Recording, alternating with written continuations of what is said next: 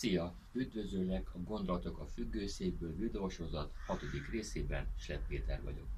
Az előző videóban egy saját példán keresztül megosztottam veled néhány gondolatot a döntéshozatalról. Ma ezt kiegészítve általánosabb, általánosabban szeretnék beszélni neked erről a témáról. Gondoltad volna, hogy felnőttként naponta közel 35 ezer döntést hozunk? Az adatot egy eh, angol nyelvű pszichológiai lap internetes portájáról portáján találtam, onnan származik, és ott találtam meg azt is, hogy eh, az étkezéssel kapcsolatban naponta 227 döntést hozunk. Ezek megdöbbentő számok, hiszen ez azt jelenti, hogy havonta több mint egy millió olyan helyzet van, amikor döntést kell hoznunk, amikor döntést hozunk. Természetesen ezek között vannak olyanok szép számmal, amelyeket rutinból hozunk meg, és igazából tudomást sem veszünk arról, hogy döntöttünk, és nem is tartanánk ezt döntésnek, ha mondjuk ezen minket szembesítenek. Aztán vannak komolyabbak, amelyek aznapra vagy rövid távra szólnak. Ilyen lehet például reggel milyen ruhát húzzunk fel, melyik boltba megyünk el vásárolni, lemossuk el, vagy lemossassuk az autónkat. Ugye ezek azok a döntések, amelyek abban a pillanatban fontosak, ellenben nem életbe vágó, következményekkel járó döntéseink lesznek. Aztán vannak ugye az életre szóló, a hosszú távú nagy döntések, ugye ezekből van az ember életében általában a legkevesebb, ilyenek például a munkai és vagy karrierváltással kapcsolatos döntések, a párkapcsolattal, a pénzügyekkel, az egészséggel, a költözéssel kapcsolatos döntések. Ezeket, ezeknél a döntéseknél magát a kérdést még könnyű megfogalmazni. Maradjak a munkahelyemen, vagy kezdjek egy vállalkozást, vagy maradjak a munkahelyemen, vagy menjek el egy másik munkahelyre. Kezdjek el tanulni egy új szakmát, vagy maradjak a már megszokottnál, és dolgozzak tovább abban, maradjon meg az a tudásom. Vegyek új autót, vagy használt autót vegyek. A megtakarítandó, vagy a megtakarítható pénzemet költsem, mert mondjuk az egészségemre, vagy tegyen félre a rosszabb időkre. Ugye, hogyha ez a kérdés megvan, ezt a kérdést megfogalmaztuk, akkor jön a nehezebb része, én meg kéne találni a jó választ, meg kéne hozni a úgymond jó döntést, amivel hosszú távon elégedettek lehetünk, elégedettek leszünk. Mielőtt egy döntéshozat, döntéshozatali módszert eh, mutatnék meg neked, azért tisztázunk néhány játékszabályt a döntéssel kapcsolatban. Én úgy gondolom, hogy ha bármilyen döntést is hozunk talán ilyen hosszú távú döntést, az, az, ne, az nem végleges, azt ne tekintsük véglegesen, hiszen még azon a területen is későbbiekben lehet egy újabb elágazás, egy újabb döntést kell hoznunk, és ott az egész dolog más irányba mehet el. Én beszéltem neked az előző videóban, hogy jó lenne, hogyha a döntésünket a lehető leghosszabb időre előre nézve hoznánk meg, azonban egy döntést meghozni, csak a jelenre fókuszálva, a jelenben biztosan tudottakra tudjuk alapozni. Én úgy gondolom, hogy amikor hozunk egy döntést, akkor nagyon fontos lenne az is, hogy a döntésünk összhangban legyen azokkal az értékekkel, amiket mi fontosnak tartunk egy döntésnél mindenképp végig kell gondolni azt, hogy mi a számunkra fontos, mi az, ami minket boldoggá tesz. Én úgy gondolom, hogy a céljaink az, évek, az életünk során, az évek során változhatnak, és az értékeink azok nagyrészt örökök, azok nagyrészt fixek. És ugye ebben a felsorolásban egy utolsó, talán közhelynek ható szabály, játékszabály, hogy nincs rossz döntés. Én úgy gondolom, hogy már az is egy különleges helyzet, hogyha az ember eh, gondolkodik azon, hogy eh, egy helyzetben milyen döntést hozzon, és az is, hogyha egyáltalán van lehetőséged eh, dönteni. És akkor nézzük meg ezt a úgynevezett döntéshozatali módszert, amit nem én találtam ki, én nagyon sok éve ezelőtt, a több mint tíz éve ezelőtt egy vezetői tréningen hallottam előtt, és azóta több helyen visszaközönt ez a döntés, és többféle módon láttam ezt már, ezt a döntéshozatali módszert. Az első lépés ennek a módszernek azt, hogy a, a dilemmát, amiben vagy, azt fordítsd le, alakítsd át egy eldöntendő kérdésé, amire igen vagy nem lehet a válasz. Például kezdjek el egy vállalkozást, vegyek egy új autót, költsek pénzt az egészségemre, kezdjek el tanulni. Ezek ugye eldönthető kérdések, igenis nem lehet ezekre a válasz. És akkor jön ennek a döntéshozatai módszernek a, a klasszikus része, ez nem kell más, mint hogy vegyél egy A4-es lapot, meg egy íróeszközt, és a lap tetejére írt föl azt a kérdést, amit az előbb megfogalmaztál. Ha a kérdés megvan, akkor a lapot függőlegesen e, oszt ketté, és egyik oldalra írt fel azt, hogy igen, a másikra azt, hogy nem.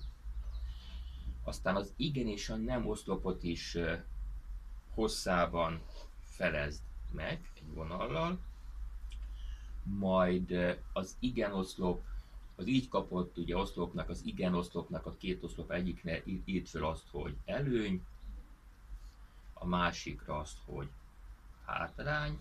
A nem oszlopnál ugyanúgy a két oszlopnál egyik oszlop fölé kerüljön fel az, hogy előny, és a másikra pedig az, hogy hátrány. Tehát ha megvan, akkor nagyjából, nem tudom, hogy látszik, így kellene ennek kinéznie. Valószínűleg tükörben láttad, mert a kamera most úgy, úgy mutatta.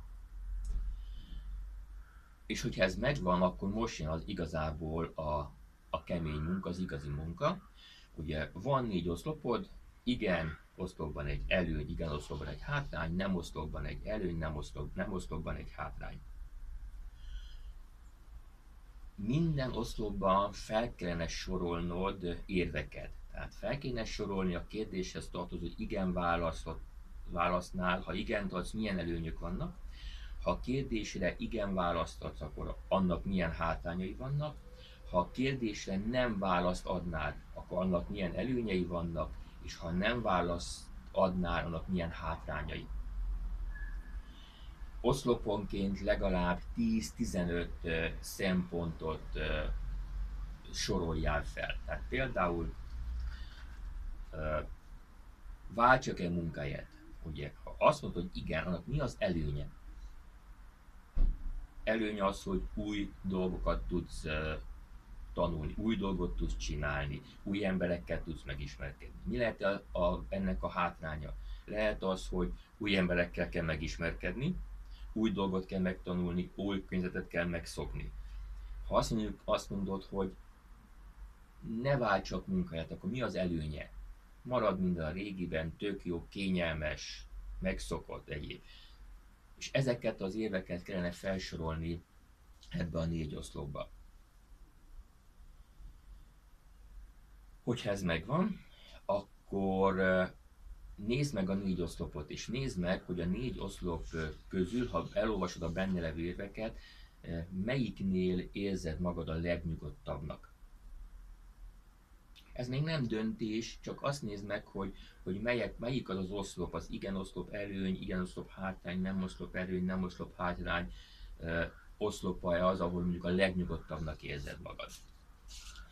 Utána, hogyha ez megvan, és jelöld meg az az oszlopot, amelyiknél a legnyugodtabb voltál, hogy úgy érzed, hogy a legnyugodtabb voltál. Ha ez megvan, akkor húz ki minden elemet ezekről a listákról, amelyek szubjektív megjegyzések. Például túl öreg vagyok, nincs elég tudásom, nincs elég kitartásom, nem tudom megcsinálni, nem fog működni, mit szólnak a pont, pont, pont.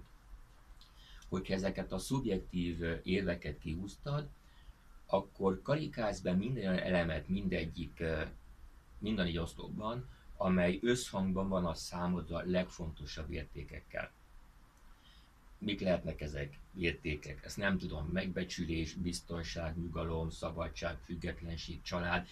Tehát azokkal, azokkal az értékekkel van jó viszonyban, amelyeket te vallasz. Ha kihúztál az, össz, kihúz az összes olyan, ér, olyan érvet, ami szubjektív, bekarikáztad azokat az értékeket, azokat az érveket, amik az értékrendekkel, értékrendeddel megegyeznek, akkor számold össze, hogy mindegyik, minden egy oszlopban hány olyan érv maradt, amit nem húztál ki, majd írd ezt a számot az oszlopnak az aljára. Adj hozzá egy pontot ahhoz az oszlophoz, amelynél a legnyugodtabb voltál, amikor végigolvastad a benne levő értékeket. És adj hozzá egy egyet ahhoz az oszlophoz, amiben legtöbb bekarikázott olyan ér van, ami megegyezik a te értékrendeddel. Így kaptál négy számot, van egy szám az igen oszlop előny, oszlopának alján, a hátány oszlopának alján, ugyanígy a nem döntés előny és hátány ö, oszlopának az alján. Most add össze az igen oszlop előny és a nem oszlop hátány értékeit, illetve add össze a nem oszlop előny és az igen oszlop hátrány értékeit. Most kaptál két számot, és ha az első szám nagyobb, tehát az igen oszlop előny és a nem oszlop hátrány értéke, akkor kérdésed a válasz az, hogy igen, hogyha a másik szám nagyobb, akkor kérdésed igazából az a válasz, hogy nem. Természetesen ekkor még érzed úgy, hogy nem igazán tudod, hogy mit is kéne dönteni.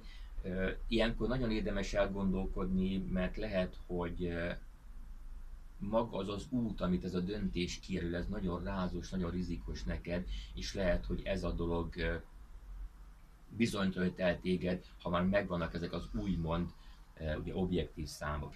Ez a módszer, amit neked most elmondtam, én is remélem értetted, ez nem csodaszer, ez nem fog helyetted dönteni, viszont abban nagyon sokat tud segíteni, hogy legalább összeszedted azokat az érveket, ami a döntésed mellett, illetve a döntésed ellen tud szólni. Én nagyon szépen köszönöm, hogy ma is meghallgattál, és további szép napot kívánok!